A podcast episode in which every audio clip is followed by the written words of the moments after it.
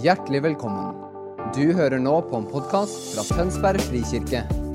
Talen er tatt opp på vår gudstjeneste søndag på Brygga i Tønsberg.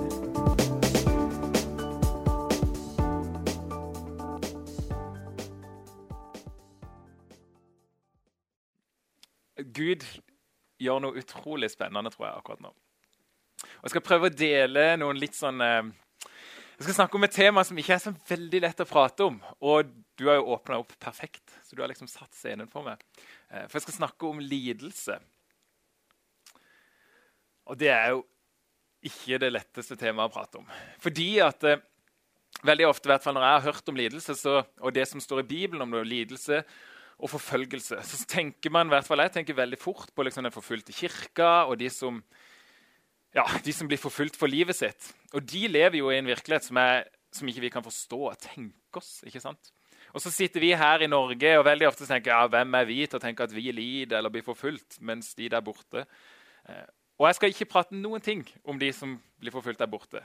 Jeg vet ikke så veldig mye om de, men de har en plass. Bibelen snakker om at vi skal be for dem, vi skal lide med dem, vi skal stå med dem. Men i dag så vil jeg prate om den lidelsen og den prøvelsene som vi møter i våre liv. Og det er utfordrende, fordi det, når vi snakker om lidelse, så er det Når man lider, så føler man seg veldig fort alene, man føler seg ikke sett. Og det er så unike situasjoner som vi alle står i. Noen har kanskje mista et barn, noen er kanskje midt i en skilsmisse, noen kanskje sliter med angst. Noen lider kanskje fordi de er redde for å gå på skolen. Noen sliter økonomisk, noen sliter med å tro på seg sjøl. Og vi har en enormt spekter av lidelse og av prøvelsen som vi møter. Og jeg vil si at jeg til, Det som jeg sier i dag, er ikke noe sånn 1, 2, 3-oppskrift på hvordan få et glad liv og begynne å le. Det er ikke det det handler om. Og det er ikke en tanke om at bare gjør dette her, bare tro dette her, så kommer alt til å løse seg. For det tror jeg ikke. Men jeg tror det er noen prinsipper som Guds ord peker på, og som har vært en del av mitt liv i en del år, som har gitt meg enormt mye liv og enormt mye glede, selv om man står i utfordrende ting. Gir det mening? Det er liksom bare, Dette skal jeg ikke si, men dette skal jeg si. Bare sånn at det er liksom klart. Good. Du, vi må, er jo liten sånn kunstnerspire. Jeg vet ikke hvem av dere som har fått med seg det, men jeg er jo veldig glad i å fortelle om min egen kunstkarriere. Så nå begynner jeg å bli ganske god. I dag så har jeg faktisk med eh, et bilde.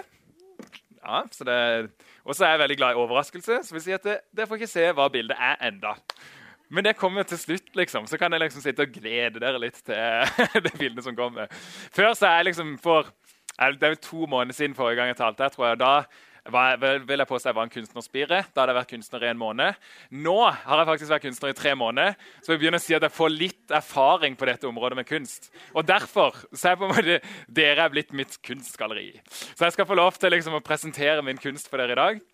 Det gleder jeg meg veldig til. Det som er at når jeg satt og forberedte meg, så liksom satt jeg og liksom ba med å snakke med Gud og lese disse, sant, teksten Roman 8, og så tenker jeg og så Plutselig så minner Gud meg, så viser han meg det bildet som henger på veggen. Og så finner jeg ut oi, jeg har jo malt hele denne her talen. Så egentlig så kommer dere til å få hele denne talen. Alt det som jeg kommer til å prate om, kommer egentlig til å bli oppsummert i dette fantastiske maleriet her på slutten. Så det kan jeg glede deg til. Med dikt, faktisk. Så det blir vanvittig bra. Um, jeg tror jeg har vært på bønnekonferansen på Grimerud i helga. Nasjonal bønnekonferanse og liksom profetisk. og Lytter mye til Gud og spør Gud, hva er det du gjør nå. Hva skjer i nasjonen vår? Jeg vil dele noen av de tingene med dere, fordi jeg tror det er kjempesentralt både til det jeg skal dele litt ut fra Roman 8, men òg det som Gud gjør iblant oss, og som jeg opplever han gjør i meg. Veldig ofte når jeg, når jeg, skal gjenkjenne ok, Gud, hva er det du gjør, så når jeg hører et ord, så hører jeg wow, det traff meg. Det var akkurat som at det traff noe spesielt i meg. Akkurat som at det ga en spesiell glede. eller var sånn, åh, det var til meg akkurat nå. Da vet jeg at det er Den hellige ånd som bekrefter ordet i meg. Og disse ordene her, Noen få ord som jeg skal dele, handler er litt sånne ord som vi kjente som et fellesskap der borte. Det er noe som Gud gjør akkurat nå, og som han ikke bare gjør på bønnekonferansen, men som han gjør nasjonalt. Og Det første mye av det handler om familie. Vi hadde det på Åpen himmel, var det veldig mye snakk om familie. Vi snakker mye om familie i Frikirke allerede. Og det er en bevegelse av Gud som handler om at vi må gå sammen. Og jeg tror Guds mål er ikke først og fremst Vi snakker mye om vekkelse. Og det kommer litt an på definisjonen av vekkelse. Men hvis vi bare tenker å Gud, kom med vekkelse, så kan Gud komme og gi meg masse kraft med en gang. Jeg hadde en, eh, en situasjon hvor jeg var på vei ned her en dag og så tenkte til kontoret. Og så gikk jeg, og så var jeg sånn Gud, nå er det lenge siden liksom, jeg har snakka med noen fremmede eller bedt for noen. og begynte å føle litt sånn skam. liksom, og Gud, hva er det som skjer? liksom? Hvorfor skammer jeg meg for at jeg ikke har prata eller delt eller evangeliet med noen? Så prata jeg liksom med Gud, og så gikk det forbi to stykk. da, jeg gikk forbi det, og så kjente jeg visst igjen han ene. og Så bare begynte jeg å prate med han, og så er det første som han sier, at jeg har vondt i ryggen. Eh, og så tenkte jeg ja, Gud er liksom, da kan jeg sikkert be en bønn for deg. liksom. Så jeg la i hånd, han var ikke, Jeg tror ikke han er veldig troende, men litt kanskje. Men jeg la i hånd på ryggen hans, og så gikk vi bortover der, og så ba jeg. Og så ble han ganske mye bedre, eh, som er fantastisk. Og så mens jeg ba for han der, så fikk jeg en tanke. ikke sant? Det er sånn ofte Gud taler om at kanskje noen av de hadde vondt i håndleddet. Så tenkte jeg, da spør jeg om noen hadde vondt i det. Og da viste det seg at den andre hadde vondt i håndleddet. Jeg ba for det. Det ble bra. Og så sa han ta det andre òg. Det er vondt, dette òg. Og så ba jeg for det òg, og så ble det bra.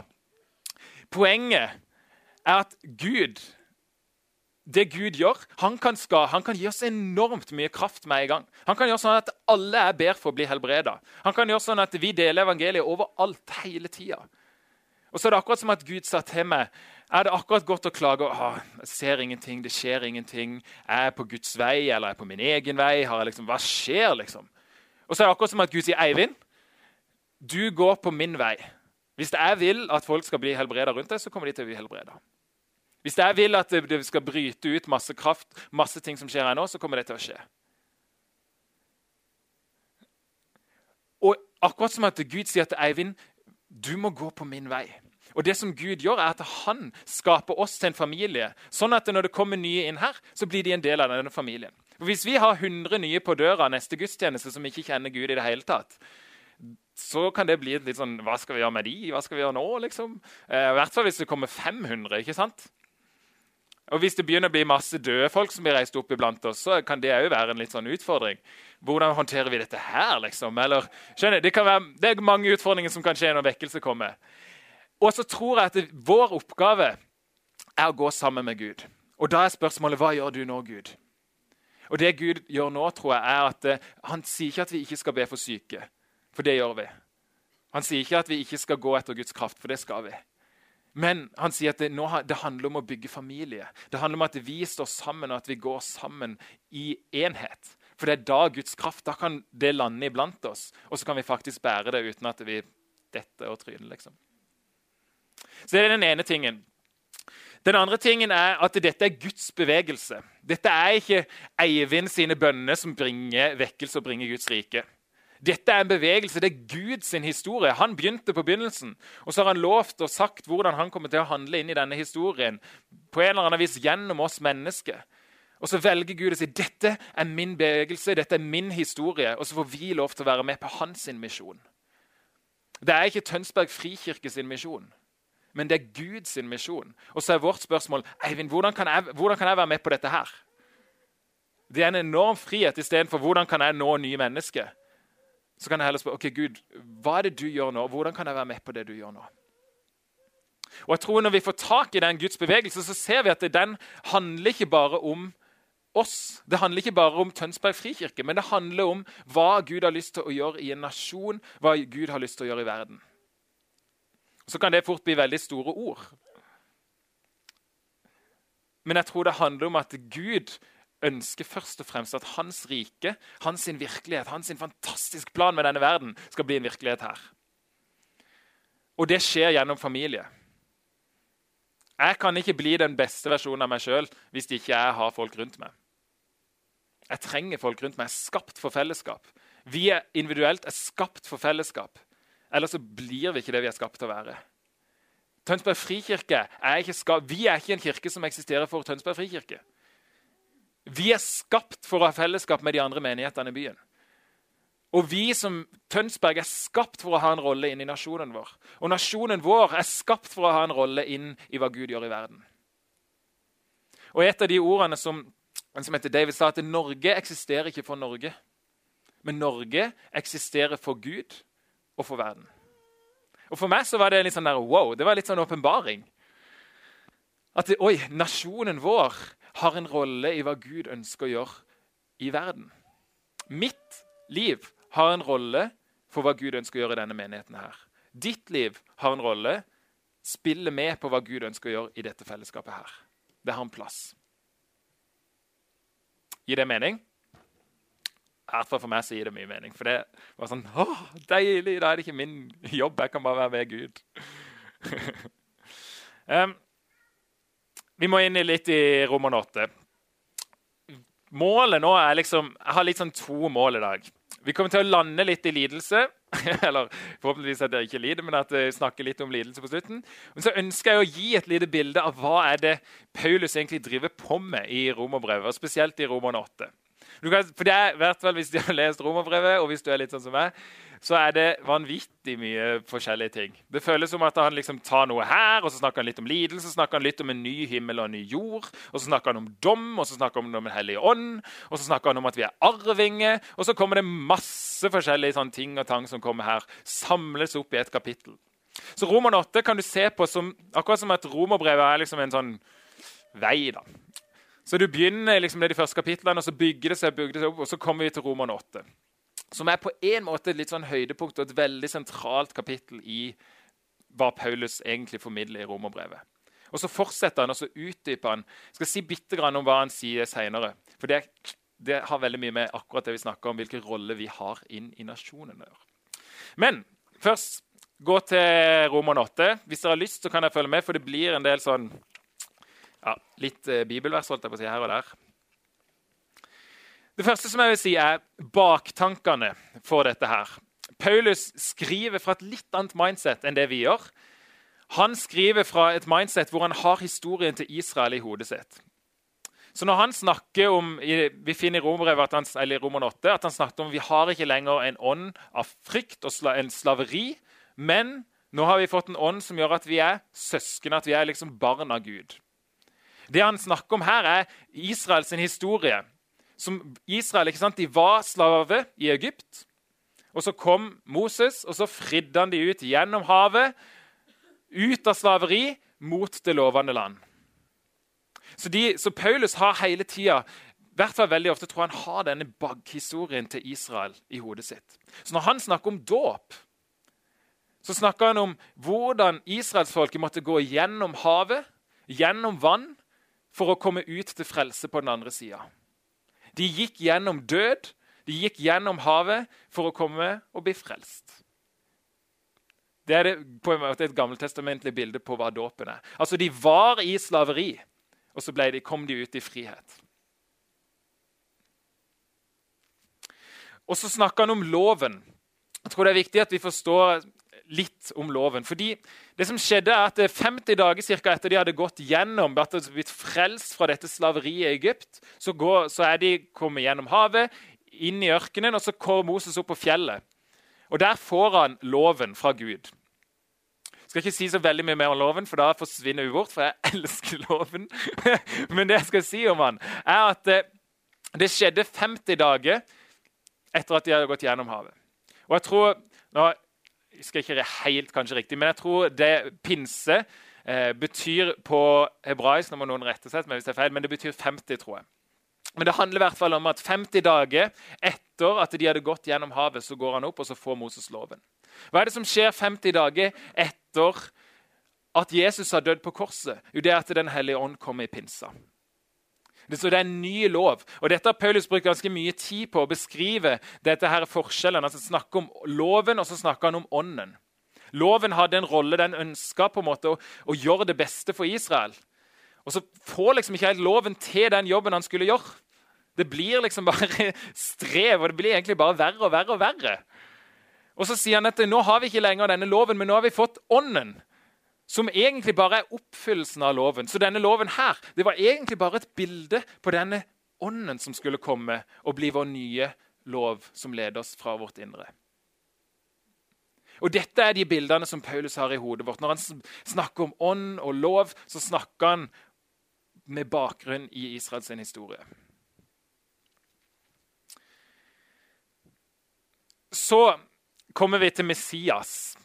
Nå, dere, nå bare liksom kaster jeg ut litt sånn forskjellige ting, og så skal vi prøve å samle det sammen til hvordan dette gir mening. For jeg tror det er viktig at vi ser noen av disse tingene for å forstå hele kapitlet. Men vi må, vi må se på Messias, for det er, eller Kristus, er et, noe som Paulus bruker veldig mye. Han snakker om at vi blir funnet, vi er i Kristus. Og så snakker han om at Kristus er i oss. Og så tenker jeg noen ganger at Hva betyr alt dette her? At jeg er Jesus, og Jesus er meg, og Kristus og Messias?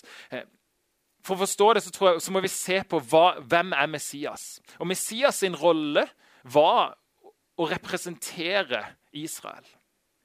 Så Kristus De venta på en som skulle komme og befri dem. Og det som skjer er at Han som kommer og befrir dem, akkurat som at han kroppsliggjør, han blir Israel. Så Jesus er på en måte et bilde på Israel. Jesus var 40 dager i ørkenen. Israelsfolket var 40 år i ørkenen. Jesus sier at han er livets brød. Israelsfolket var i ørkenen og de fikk dette manna fra himmelen. Jesus sier han er livets vann. Israelsfolket fikk denne her vannet fra steinen i ørkenen. Og Det er mange sånne paralleller som du kan se hvor, i evangeliene hvor på en måte du ser at Jesus representerer egentlig Israel. Og så står det på en måte hvor, akkurat som at all synd og ondskapen til Israel samler seg på en måte inn i Jesus. Og så dør Jesus på korset, og så sier han at nå dømmer Gud dømmer synden i Jesus. Så liksom Jesus samler sammen.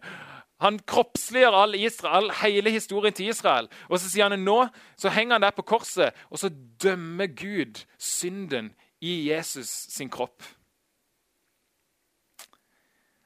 Noen av dere har sikkert liksom faller kanskje litt av når vi snakker om disse tingene. her, og det, det, skjønner jeg. Jeg har falt mye av, og det er ikke alltid så lett å forstå. Men jeg ønsker bare å male litt et bilde på at det, i Kristus så er Israel.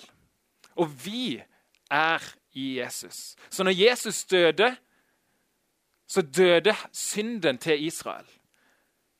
Men nå er det ikke bare Israel, men nå er det òg hedningene og jødene. Altså, Vi er del i Israel. Vi er del i Guds folk. Så når, når Jesus døde, så døde òg jeg. Så døde òg min synd på det korset. Sånn at jeg oppstår til et nytt liv.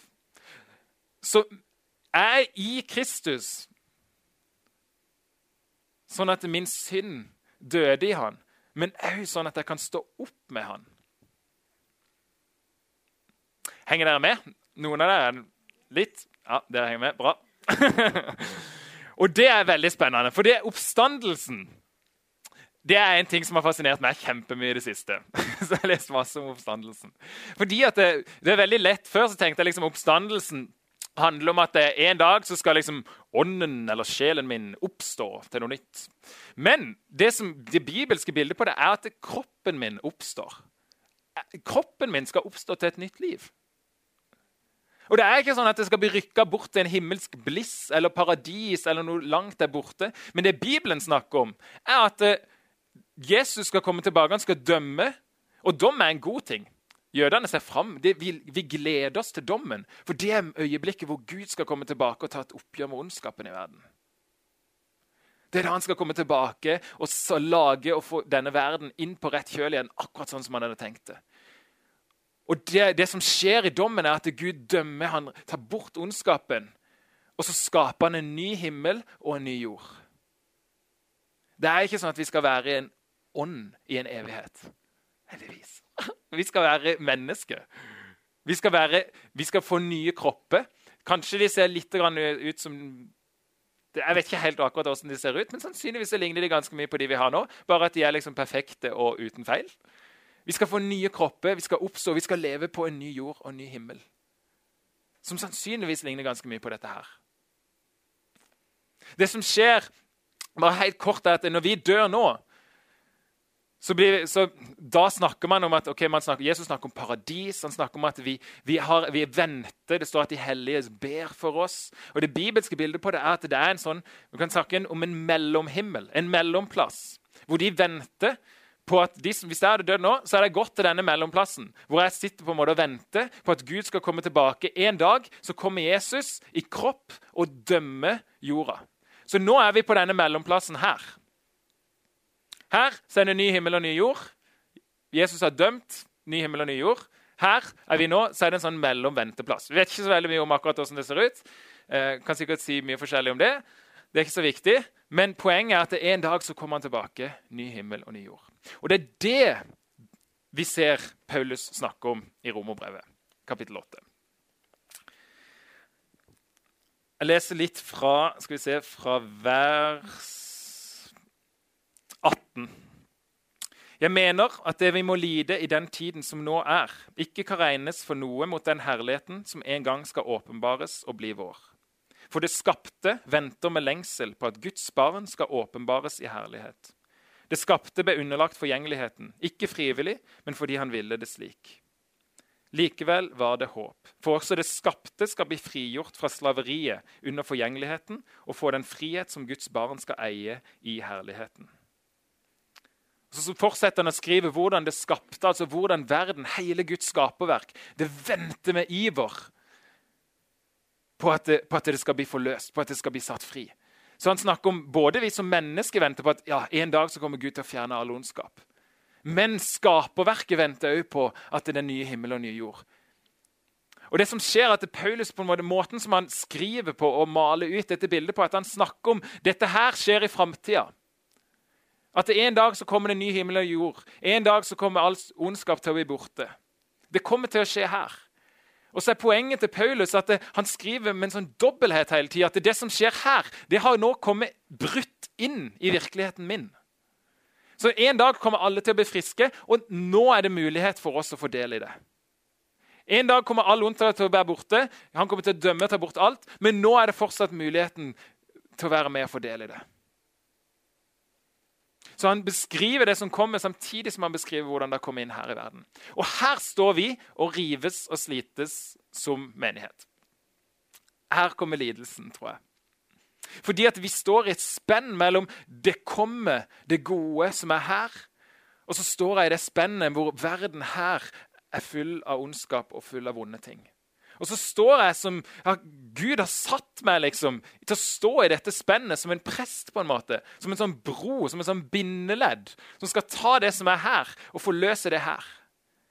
Og det skjer ved at Den hellige ånd i oss skaper og former oss. Paulus skriver jeg mener at det vi må lide i den tiden som nå er, ikke kan regnes med noe mot den herligheten som en gang skal åpenbares. Så Det er et perspektiv på lidelse her hvor det å stå her er faktisk det er, det er et privilegium å få lov til å stå her. Jakobs brev så snakker han om at se det bare som en gledessøsken når dere møter all slags prøve og motstand. Det er et perspektiv på å stå i et spenn og stå med utfordrende ting, hvor han sier at det, her finnes det glede. Utfordringa mi er at hvis her er det gode, her er det onde, jeg står i spennet, så har jeg en veldig tendens til å se her på lidelsen. Og så sier Jesus nei, snu deg over her og se på håpet.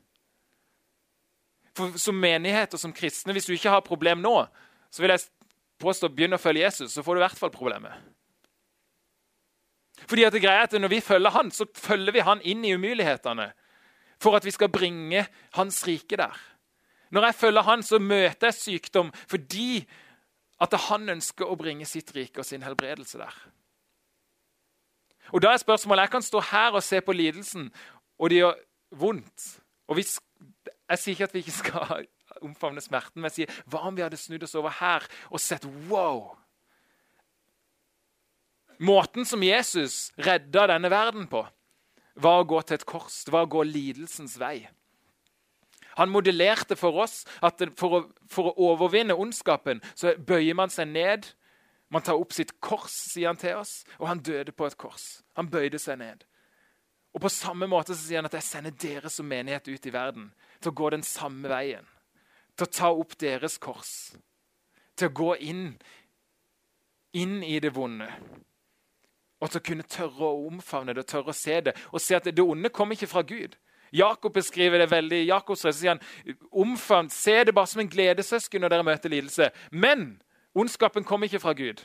Lidelsen kommer ikke fra Gud. Så han er kjempetydelig på Gud sender ikke lidelsen. Men den kommer i livene våre. Og da fins det to perspektiv som man kan ha. Og En ting som Gud sa til meg for, noen, for en del år siden, var 'embrace every season you're in'. Og det har forandra livet mitt. For hva, uansett hva jeg møter, så er jeg alltid sånn Gud, wow, takk for det du gjør i meg nå. Og det som, som Paulus fortsetter, så skriver han om at eh, den som er utvalgt av Gud Han er fortsatt denne tanken om lidelse, om at vi venter. Vi står i dette spennet. Og så sier han at det er den som er utvalgt av Gud. Er, dere er utvalgt av Gud, og det, fordi at dere er utvalgt, så kommer han til å forme dere til å bli lik Jesus. Vi blir forma til å bli lik Kristus. Vi har en rolle som Kristus, som kristne i denne verden, hvor gjennom disse, midt i disse onde tingene, så kommer Guds rike, og så kommer kjærligheten og livet. Og så sier han at vi, Når vi står i disse lidelsene, så blir Gud, ja, altså Kristus blir forma i oss. Kjærligheten blir forma i oss. Og Det er det største privilegiet vi har, tror jeg. Og det er det mest fantastiske jeg vet. Lidelse er akkurat som det, det er det verste. Det er jo lidelse. Men man, når man får tak i det, så er man wow, Gud. Det er fantastisk å få lov til å gå sammen med deg, å få lov til å bli kjent med deg som trøster. Å få lov til å se oss det som skjer inni meg nå. Og Så sier han at vi blir forma til å bli lik han. Og så lander han hele rekka si i at hva er det som kan skille oss fra Guds kjærlighet? Hva er det som kan skille oss? Det er ingen lidelse som kan ta oss bort fra relasjonen med Gud. Han sier nød, angst, forfølgelse, død. Ingenting av lidelsen kan ta oss bort fra Gud. Og Det er et fantastisk perspektiv som man kan få, og så er det et utrolig vondt tema for deg, lidelse. Men jeg tror det fins noen skatter der som har i hvert fall gitt meg masse masse liv når jeg sier, Gud, hva gjør du nå? Hva er, det, hva er det du gjør akkurat nå i meg? Jeg skal lande i eh, det spennende maleriet som endelig skal bli eh, åpenbart, holdt jeg på å si.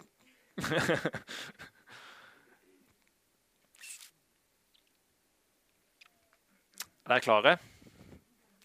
Det er jo, eh, det er jo litt kleint når man har liksom bygd opp noe sånn her. Har vært kunstner i tre måneder, og plutselig skal snu et maleri, så er ikke dette et av kanskje ikke et av de fineste maleriene jeg har malt, men det er mye sjel i det. Og det skal dere få høre nå. Det er kanskje par måneder siden jeg malte det, og var midt i, var kjempesur på Gud og masse min prøvelse, holdt jeg på å si. Så det er en mann, ser dere sikkert. Og Dette kommer på engelsk, for jeg liker å skrive i tekster. Og av og til så skriver jeg på engelsk fordi det er bare sånn. Så det får du på engelsk uten oversettelse. Så sånn blir det. Men Kommer han, eller går han? Det er mitt spørsmål. Is he leaving or coming? Those with eyes to see, see. Darkness seems to increase, losing control. Am I walking into death? What am I doing with my life? Why do I choose this way? Confused by questions born from shame, insecurity, self criticism, self condemnation.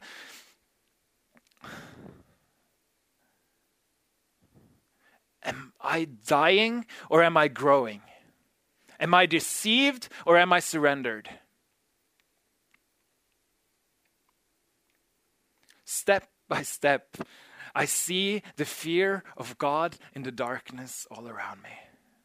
I hear a mighty sound of thunder roars inside me. I am your judge.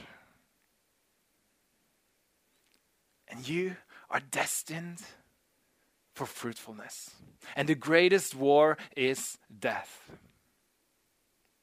Unless a seed falls into the ground and dies, it will remain all by itself. If it dies, it will produce lots of fruit.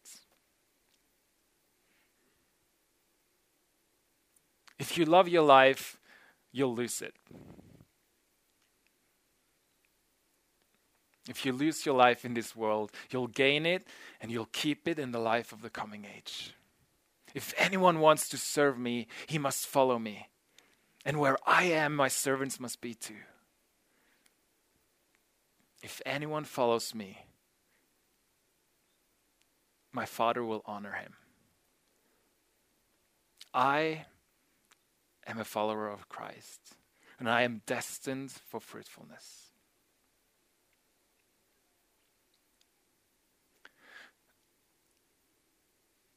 Sjelen i dette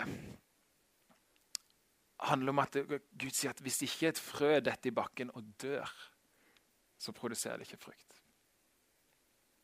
Og Noen ganger så møter vi død, vi møter utrolig vonde ting. Og så sier, hvis, så sier han at hvis noen vil følge med, hvis noen vil følge Jesus Kristus, altså han som leid for at verden skulle bli frelst Hvis jeg vil følge Kristus, så er jeg nødt, hvis jeg vil leve sammen med ham, så er jeg nødt til å følge ham. Og å følge han kommer til å møte lidelse. Og så sier han midt i det så ærer Gud meg. Midt i det så fins det en glede. Midt i det mørket som omringer meg, så er det en gudsfrykt og så er det en åpenbaring. Og så fins det et liv som er der. Midt i det som utfordrer meg, og som får meg til å rive fra meg alt sammen, så er det der Kristus blir forma i meg. Det er der livet mitt blir forvandla. Jeg sier, jeg ville aldri bytta ut de månedene som har vært, selv om det er det verste jeg har opplevd. Men jeg ville aldri bytta det ut. fordi at det jeg ser nå, og det jeg har fått oppleve, at jeg har fått godt med Kristus, jeg har blitt lik Kristus. Jeg har blitt lik Han som valgte å gi sitt liv for denne verden. Og så får jeg lov til å stå i det og få lov til å gi mitt liv for Han og for denne verden.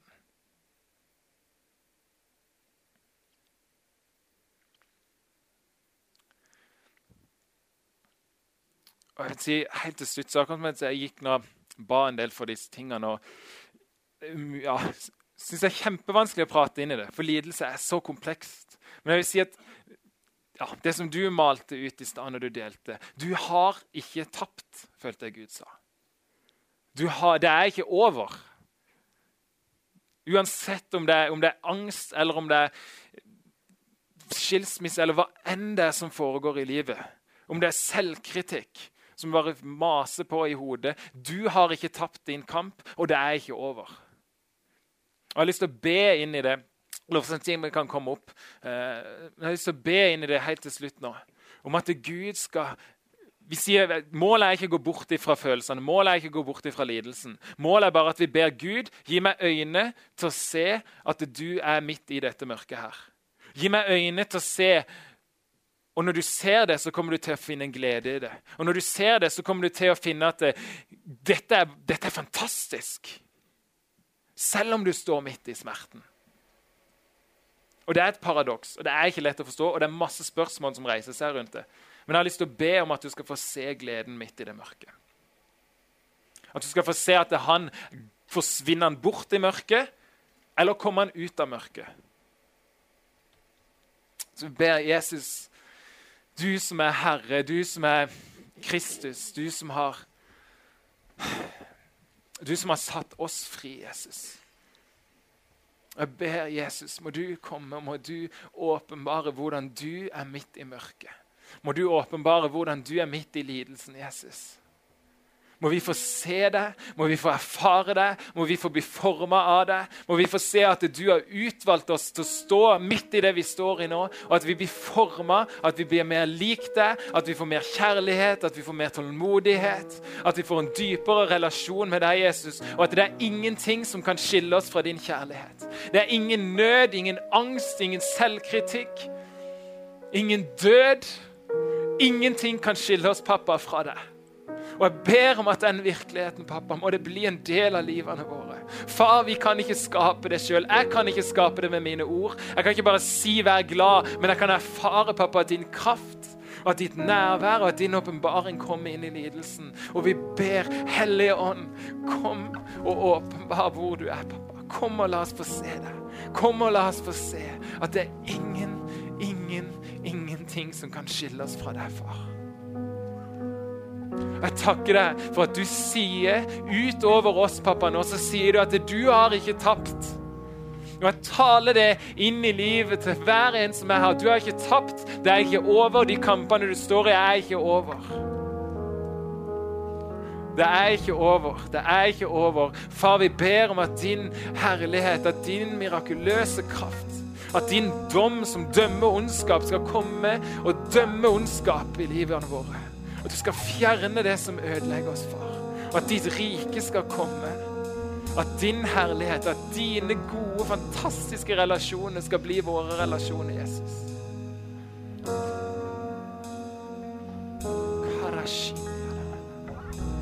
Kom, Helligånd. Kom, Helligånd. Jesus, takk, Helligånd. Takk, Hellige Ånd. Takk, Hellige Far, vi gir oss over til deg, og vi sier at vi kan ikke fikse dette livet. Vi gir opp, og vi sier, 'Far, vi er som dette hvetekornet som faller til bakken, og som dør.' Og som sier at 'Far, vi gir slipp på alt vi er og har.' Og vi sier at vi trenger deg, Jesus. Vi er dette hvetekornet som gir slipp på livet, sånn at du kan komme og bli livet vårt. Jesus, vi gir oss over til deg. Midt i det som er vanskelig, midt i det som vi ikke ser håp i, så sier vi at du, pappa, du kan skape det. Jeg kan ikke skape det.